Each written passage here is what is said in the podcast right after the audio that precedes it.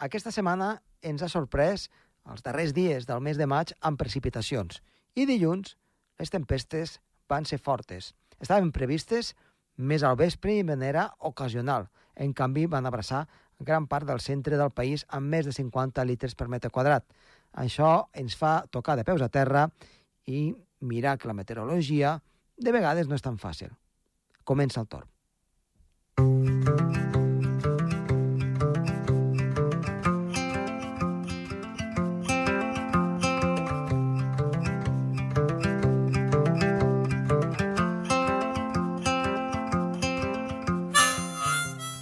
En el programa d'avui parlarem de percentils, d'aquests valors de temperatures i de precipitacions que estan per sota o per damunt del que és normal. I ens en parlarà Sergi Càrteles. I d'altra banda, avui tenim a l'observador meteorològic de la zona de Coi de Nargó, Josep Maria Gasta, que ens parlarà dels avions i de l'aire, de la física de l'aire, que fa que aquests avions doncs, no tinguin problemes a l'hora de volar.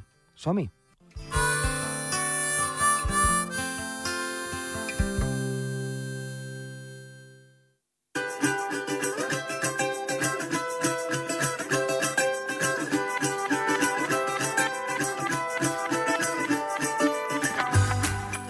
Iniciem el programa i tenim a Sergi Càrceles. Sergi, molt bona tarda. Bona tarda. Avui quin tema ens portes? Doncs avui parlarem sobre els percentils. És un tema que es va parlar en edicions eh, passades, així molt per sobre, però avui ho explicarem una mica més, i és que és, una, és un component de l'estadística meteorològica que realment és bastant important per veure si una temperatura o una precipitació està fora del normal o no. Molt bé, i això com ho podem determinar? Com, com s'explica? Doncs bé, els percentils al final, eh, perquè ens entenguem, és com dividir la informació que tenim d'un registre, un registre que pot ser d'anys o pot ser d'episodis. Uh -huh. Normalment ha de ser un registre bastant extens, bastant llarg, perquè tingui una certa credibilitat eh, científica. Però, bé, per exemple, per posar un exemple, eh, eh, són dades de 30 anys de temperatures, temperatures mitjanes de cada mes de, per exemple, el mes de maig, la temperatura mitjana de cada any, del mm -hmm. mes de maig, i eh, es fa una recopilació i llavors es eh, col·loca en una gràfica quina ha estat la temperatura de cada any. Al final, més o menys, sempre totes rondaran més o menys per uns valors bastant semblants, però sempre hi haurà algun valor que serà bastant més elevat o bastant eh, més inferior de temperatura. Diríem que són anys extraordinaris. Uh -huh. Però, clar, eh, com podem eh, saber si realment ha estat completament extraordinari o està dins de la normalitat? Doncs amb els percentils. Els percentils, al final, és aquesta divisió de, per exemple, 25%, 50%, 75% i 100%, en el que, si fem una gràfica, seria una gràfica perquè ens entenguem en forma de eh, campana, en aquest cas, uh -huh. eh, en el que en el mig de la gràfica estarien els valors més comuns. D'acord. Seria el més comú. I, en canvi, tant a l'extrem de l'esquerra com a l'extrem dret, uh -huh. la línia estaria a la part més baixa i allà seria on hi haurien tant les temperatures més extremes uh -huh. com les temperatures més fredes, tant d'altes com de baixes. Uh -huh. Llavors, eh, normalment, científicament, es eh, parla del percentil 95% quan un valor és extremadament més elevat o més inferior del normal, surt de la normalitat. En aquest cas, això s'utilitza molt eh, en el moment de determinar quan hi ha una onada de calor en un eh, sector. En el cas, ho vam dir en edicions passades, en el cas que almenys un 10% de les estacions meteorològiques d'un país o d'un sector enregistrin una temperatura que estigui per sobre del percentil 95%, llavors es detecta com una eh, temperatura extrema i llavors doncs, es pot determinar que científicament aquella temperatura pot formar una onada de calor. Uh -huh. Per tant, aquesta temperatura seria com una, una mitjana, diguem-ne. Sí, uh? -huh. al final eh, és una forma de saber quina és la mitjana d'un valor de precipitació, pot ser també, Uh -huh. també pot ser de temperatura o fins i tot eh, també podríem eh, parlar de contaminació, etc. És per detectar més o menys quins valors són els normals o els estàndards d'una investigació. Quan un valor és molt més elevat o molt més baix, doncs eh, són aquests els més destacables i el que fan trontollar aquestes gràfiques. D'acord. cas. I, per exemple, si tenim una temperatura de 25 graus, que seria la, la mitjana, aquest percentil, quina, aproximadament, quina temperatura hauria de ser per damunt per determinar doncs, que ho hem sobrepassat? Bé, això també dependria del mes de l'any. En aquest cas, en el cas de 25 graus, si estem parlant del mes eh, de l'estiu, en aquest cas, dels mesos d'estiu, el 25 seria una temperatura normal, és a dir, estaria en el percentil més o menys 50%. D'acord. És a dir, el més comú. El més comú. Per tant, estaria En al, canvi- al mig, no?, on has dit tu de la Sí. campana. Correcte, en canvi, si estem parlant d'una temperatura de 25 graus en el mes de desembre, Uh -huh.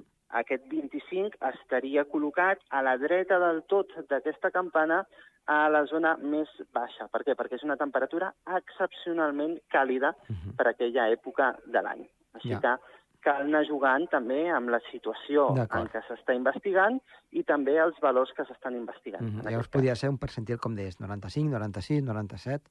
Correcte. Fins a arribar al Llavors- 100%, que ja se sortiria de cap, cap dada mai enregistrada, suposo. Clar, clar, seria una, una dada nova, completament eh, Mhm. nova, i llavors eh, en aquest cas sí que parlaríem de rècords no? Mhm. de temperatura, Exacte. que vulguis o no, aquestes gràfiques constantment s'han d'anar actualitzant, perquè sempre anem enregistrant rècords que fan que la gràfica es desplaci una mica més cap a la dreta o una mica més cap a l'esquerra. Uh, perquè entengui la gent més o menys uh, com es tracta aquesta gràfica, també es va utilitzar molt en el tema del Covid. Uh Mhm. -huh. Es va utilitzar uh, sobretot uh, per uh, demostrar que si la gent utilitzava mesures preventives, en aquest cas, doncs aquesta campana o aquesta gràfica, aquesta muntanya, el pic seria molt més baix. En canvi, si no s'utilitzaven mesures, veiem que a la gràfica el pic era molt més elevat i molt més alt. Mhm. Més o menys perquè la gent s'imagina una mica com són aquestes gràfiques visualment. Doncs, eh, Sergi, molt ben explicat i ja en sabem una coseta més de meteorologia. Moltes gràcies i fins la propera. Que vagi molt bé. Adéu-siau.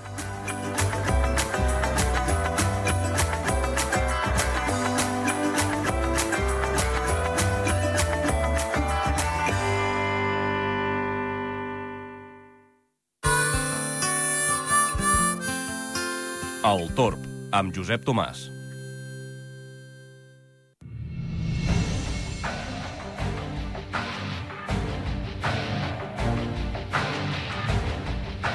En el programa d'avui tenim Josep Maria Gasca, que és observador eh, meteorològic de la zona de Coi de Nargó, i a part avui ens ve parlar eh, d'un tema doncs, que està molt a la vora del que ha passat darrerament aquí a l'aeroport de la Seu d'Urgell, però farem amb dos parts, ho farem en dos programes.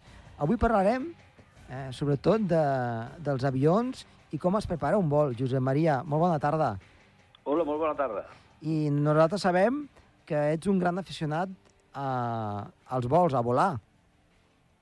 Sí, sí, amb la condició de, de passatger només i unes quantes vegades a la cabina Uh -huh. amb els, eh, amb els tripulants realment de l'avió que el piloten i com a usuari moltes vegades, moltes vegades. Eh, jo diria que podem valorar amb 3 o 4.000 vols eh, com a passatger. Uh -huh. I, uns, i poquets, doncs, eh, en cabina, i després algun llibre sobre aviació i conferències, i a mi és que tinc pilots en actiu, sí, sí. Per tant, molt, eh, és, un, tot- és un mèdic que m'agrada molt. Està relacionat amb el que és la meteorologia. Eh, eh, Sí. Una mica és de, de l'aire que respirem, de l'aire que vivim, no? El que, Exacte. el que havia a la fi. Doncs, A eh, de fi, l'avió es mou per un mèdic, és el mèdic que els meteoròlegs eh, busquem. Quan mirem al cel exacte. i veiem cúmuls i tal, doncs l'avió, eh, per mirar núvols alts, igual has de mirar cap a baix, perquè t'han quedat a sota, no? Sí. I a la perspectiva d'horitzont, doncs molt llunyà, que pots anar a la vertical de Tarragona, doncs pots veure tempestes al Pirineu Uh -huh. eh, amb l'avió, no? Vull dir que et dona una, una capacitat de visió en un àmbit molt ample, molt Molt- ample, això és, és bonic. Clar, i veure-ho d'una altra manera que no es veu quan estàs a, a terra, no? Exacte, exacte. Com l'avió, per exemple, esquiva les, les tempestes, no? Eh, quan les va, si és possible, una, una mena d'eslàlom, eh, molt curiós, i si t'hi vas fixar, veus que l'avió fa esquerra i dreta buscant els forats de, que no hi ha núvol, i quan agafen turbulències, doncs sabent també el que és, doncs estàs més tranquil perquè saps que és algo totalment normal i que, bé, allà és la zona que n'hi ha menys i per això el, el pilot ha triat de passar per allà. Uh -huh. I, però m'han passat moltes, no? Des del de, el, el, programa que parla d'adversitats meteorològiques, Uh -huh. doncs sí, amb cert detall, doncs, que és que caigui un, camp a la, un llamp a l'avió, agafar una, una pedregada forta a l'avió, eh, coses d'aquestes que, si t'agrada la meteo, doncs estàs realment integrat a- on s'estan produint aquests fenòmens i tu doncs, tens el privilegi de, per molts, altres pateixen molt, però el privilegi d'anar pel mig i poder-ho disfrutar. Sí, Doncs sí, als nostres oients els hi volem dir que eh, farem un segon programa, eh, el qual doncs, s'emetrà la setmana vinent, i que parlarem justament d'això, eh, d'adversitats meteorològiques quan una persona doncs, va amb avió. Avui parlem una mica de com es prepara aquest vol i aquestes, aquests intríngulis que nosaltres agafem avió i marxem, però en veritat darrere hi ha un, un gran treball i ara ens agradaria que ens ho expliquessis perquè doncs, així ho entenguéssim una miqueta millor. Exacte. Però jo penso que tothom experimenta un cert temor quan entra en un avió, Sí, no? eh, sobretot si no hi va molt sovint, però Sí. inclús freqüents viatgers eh, freqüents, i prendrem una mica, eh, explicarem una mica per entendre què és el que passa entre l'avió, què és la preparació que hi ha en un vol, i que ens permet, doncs, d'una forma única i exclusiva, viatjar a grans distàncies en molt poc temps i amb unes condicions de confort i de seguretat molt, molt, des, molt destacables. Uh -huh. Eh, eh, fa pocs dies, precisament, com dèieu fa un moment, es va produir una situació mm, a l'aeroport de la Seu, eh, degut a que per condicions meteorològiques no podia operar eh, l'avió, que crec que fa la línia Madrid-Seu amb una hora 55, i que eh, no podia aterrar i va acabar a Lleida, no? Sí. Eh, No, no ens hem d'alarmar.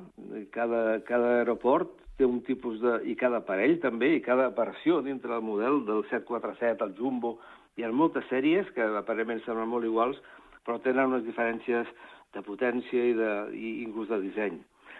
Aleshores, eh, cada avió té uns límits i té unes eh, certificacions que no pot eh, sobrepassar de cap manera. No? Vull dir que això està com gravat al foc. En aquest cas, la seva temperatura, que resultava alta, amb 30 graus, per l'aeroport, donada la seva alçada sobre el del mar i el coeficient de frenada que, que, ten, que teníem aquesta, aquesta alçada. Uh -huh. Per tant, a 30 graus i a 800 metres i pocs, doncs eh, no podia operar. I tot això, inclús tots els avions tenen limitacions, els helicòpters també, en un cas serà el sostre, el sostre operatiu, a l'altre serà la, la longitud de la pista, l'altre el, el ritme de pujada de baixar, eh, etc. sempre. O sigui que la paraula improvisació no té cabuda, la terminologia aeronàutica, diguem-ne que en realitat alguna vegada sí, però en principi no. I els termes que preocupen són la velocitat, l'alçada, el RUP, la sustentació, que això sí que es fa ser- servir molt sovint en les converses de la cabina i les converses, converses en terra. El- l'enlaire- L'enlairament i l'aterratge, que en aquest cas parlaríem de l'aterratge, són els moments més delicats del vol.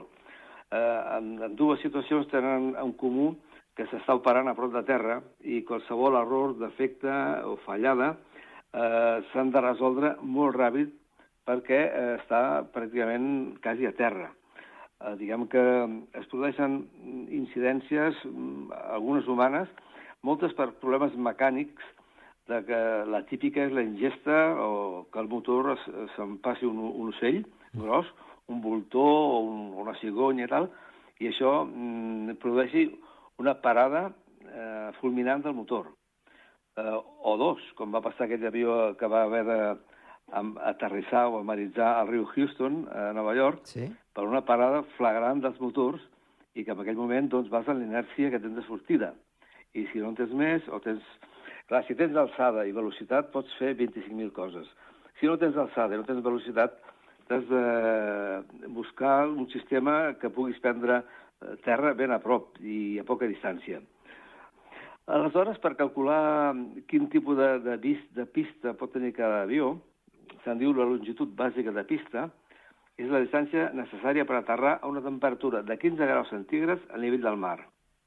Això vol dir que aquesta és la que s'homologa i cada avió té la seva distància per eh, operar segons quines condicions. O sigui, 15 graus, nivell del mar, quants metres necessita un avió a, diguem-ne, condicions meteorològiques relativament normals. Si està plovent molt i pot haver-hi aquaplaning o derrapades, i és una altra història. Però això ens dona ja un patró, un barem, que sabem que cada avió està certificat per volar eh, o per aterrar amb aquestes distàncies. Per exemple, un Jumbo 747 o un Airbus mm, 380, crec, que, que, és el molt gran, necessiten 2.500 metres per aterrar. I la majoria d'avions comercials, que veiem als aeroports i que fent rector que veiem de, de sí. viatge, entre 1.700 i 2.200 metres.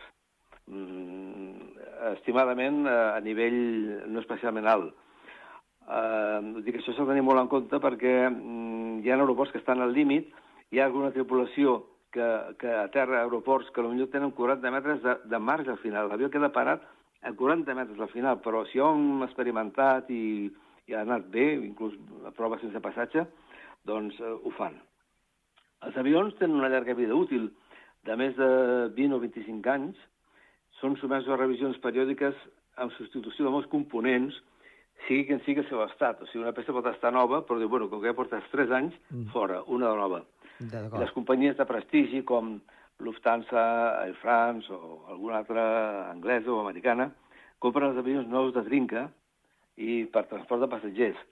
Posteriorment, eh, la vida normal d'un avió és que passi al cap de 10 o 12 anys a companyies més petites i molt sovint acaben fent transport de mercaderies. Vull dir, es pinten les finestres i acaben fent eh, eh, aquest tipus de vols doncs, purament de càrrega. Uh -huh. Avions moderns, però que, que pot tenir 20 anys, o 25 ja està amortitzat per eh, passatge i ara fan doncs, purament per transportar mercaderia.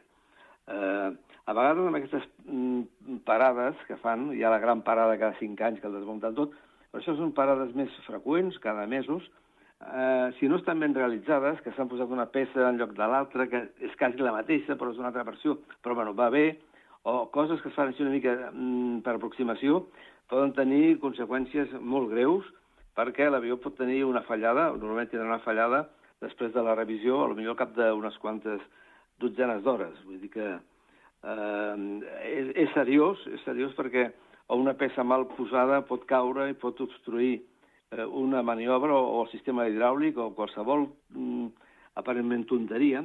Amb l'avió passa que solen anar en cadena. O sigui, et falla un element i encara que siguin redundants o vagin per duplicat, eh, poden, en cascada poden fallar altres sistemes. I el més greu poden ser, el més greu poden ser sistemes hidràulics que mm, els que fan moure els flaps i la cua, etc i que l'avió pot quedar doncs, sense govern. I això és el pitjor que pot passar perquè pot anar, com va passar un cas de Japó, que un 747 va anar volant, no sé, potser una hora, i sabem que s'establiria la primera muntanya, perquè els sistemes mm, hidràulics no funcionaven, no? Ja. Els problem, la possibilitat de tenir problemes en vol són baixes la, la preparació de la tripulació, els coneixements previs de pilotatge, cada comandant i primer oficial, al cap a l'esquerra és el primer oficial, perdó, el comandant, i el de la dreta, al davant, és el, el, el primer oficial. Uh -huh. és el comandant i l'altre és el primer oficial o copilot. Uh, curiosament, amb els helicòpters van inversos, o sigui, el primer, la primera autoritat de cabina va a la dreta i el segon va a l'esquerra. Bé, tots tenen mils d'hores, normalment, un, com a mínim, té molts més d'hores, el, el capità, i el, i el segon, doncs, mm, s'hi acosta, o té quantitats ja significatives d'hores de vol amb aquell tipus d'avió. No es tracta només d'haver volat, sinó d'haver volat amb aquell avió. I quan canvien de model d'avió, eh, fan pràctiques en simuladors, s'examinen, se'ls certifica i, i no poden eh, canviar així com així. Es fan pràctiques amb simulador de am, am, ara, amaritzar, o sigui, aterrar al mar, els hi paren els motors, els hi fan col·lisionar amb aus i, i els hi posen tota mena de dificultats per veure com se'n surten, no? Eh, això és bastant crític i, bueno, per ells és un examen important, a part de la revisió mèdica, etc. però el, el programa de pilotatge amb, en simulador, amb, amb un tribunal que se'ls mira i puntua, és important, no? A dintre l'avió, els pilots porten una carpeta, o un llibre, un llibre més aviat, que es diu Manual de Referència Ràpida, on es troben detallades tots o quasi tots els problemes que es poden trobar durant, durant el vol. És una eina importantíssima. Veient molts reportatges d'avions i, i problemes, aquest és un, un element, una eina de primer ús. Dir, quan hi ha un fallo, ràpidament busquen a la pàgina que pot sortir quina és la fallada i com es pot, com es pot resoldre o compensar. O si no, trucar a, a la companyia perquè els diguin, hi ha un telèfon directe, què pot passar, eh, quin és el problema i com ho poden resoldre. Normalment van dos o tres membres de la cabina, els avions moderns van més aviat dos, encara que l'avió sigui gran, i eh, els antics ja anava el, el mecànic de vol i tal. Ara normalment van dos només, i si són vols de, de molta durada, van quatre, perquè van dues tripulacions, dues descansant, dormint o descansant, i els altres pilotant l'avió. I això està perfectament controlat. I també tenen el coneixement de quin, de com, quin temps trobaran a la sortida, eh, a l'aeroport de sortida, eh, quin temps trobaran en el trajecte durant la ruta i el final de destinació, i també una cosa que és important és saber quin pes exactament porta l'avió, incluït l'equipatge, uh -huh. els passatgers i el combustible. Aquesta informació, també junt a la meteo local, la velocitat que ha d'assolir per començar a aixecar-se i a la longitud del trajecte que ha de fer, eh, també ha d'estar comptat matemàticament. Eh, la pressió atmosfèrica també hi entra, etc. O sigui que, i abans de pujar a l'avió, el comandant fa el que es diu la volta, o en anglès walk around, o el segon, que és una volta caminant per terra al voltant de l'avió, mirant que no hi hagi cap defecte per enlloc, cap cop, cap bony, com estan les cobertes de les rodes de, que han de fer el primer contacte amb, amb la pista, i veure que no hi ha cap, sobretot a les, a les ales, a les zones més sortides, les zones més, evident, més sensibles, com poden estar. Eh, un cop s'ha fet la, la volta i s'ha tota la documentació que t'han donat a terra, eh, llavors se'n va amb l'avió ja circulant, en la seva pròpia tracció, eh, es va buscar la pista, es fa la, que diu la rodadura o el taxing, sí? fins a la capçalera de pista, i ja teòricament estaríem a punt de, de despegar. És la tercera i última comprovació, o checklist, que diuen ells, i es torna a repassar moltes coses que ja s'han repassat dues vegades. S'informa la torre de control que per, que per la maniobra de l'enlairament la, de la tripulació està llesta i queda a l'espera de, de l'autorització.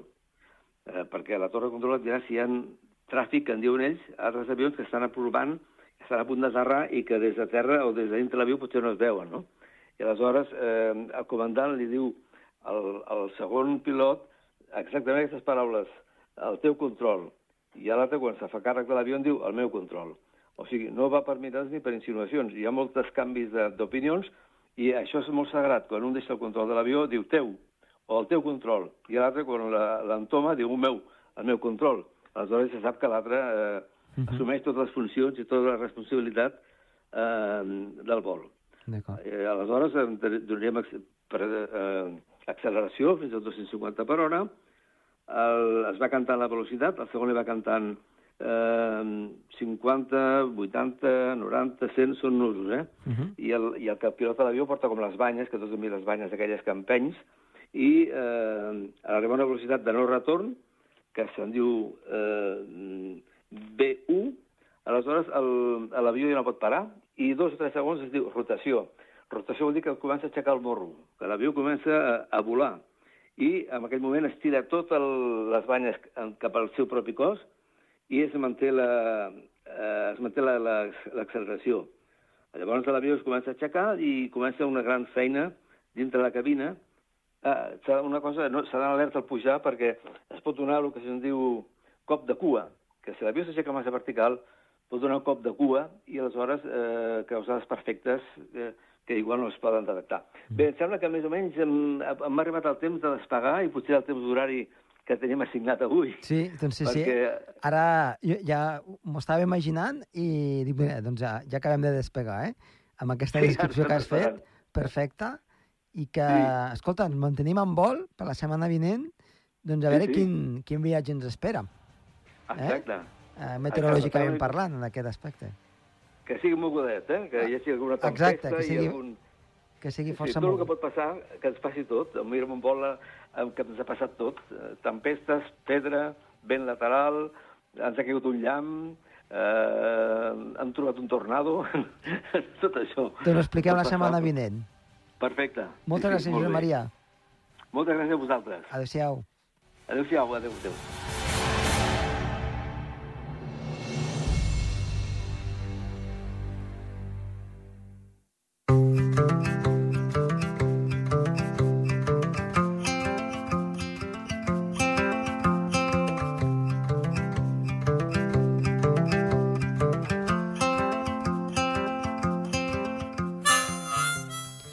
aquí el programa d'avui. Esperem que els hagi agradat. Ha estat a les vies de so, Toni Escur, i que els ha parlat amb molt de gust Josep Tomàs Bosch. Adéu-siau.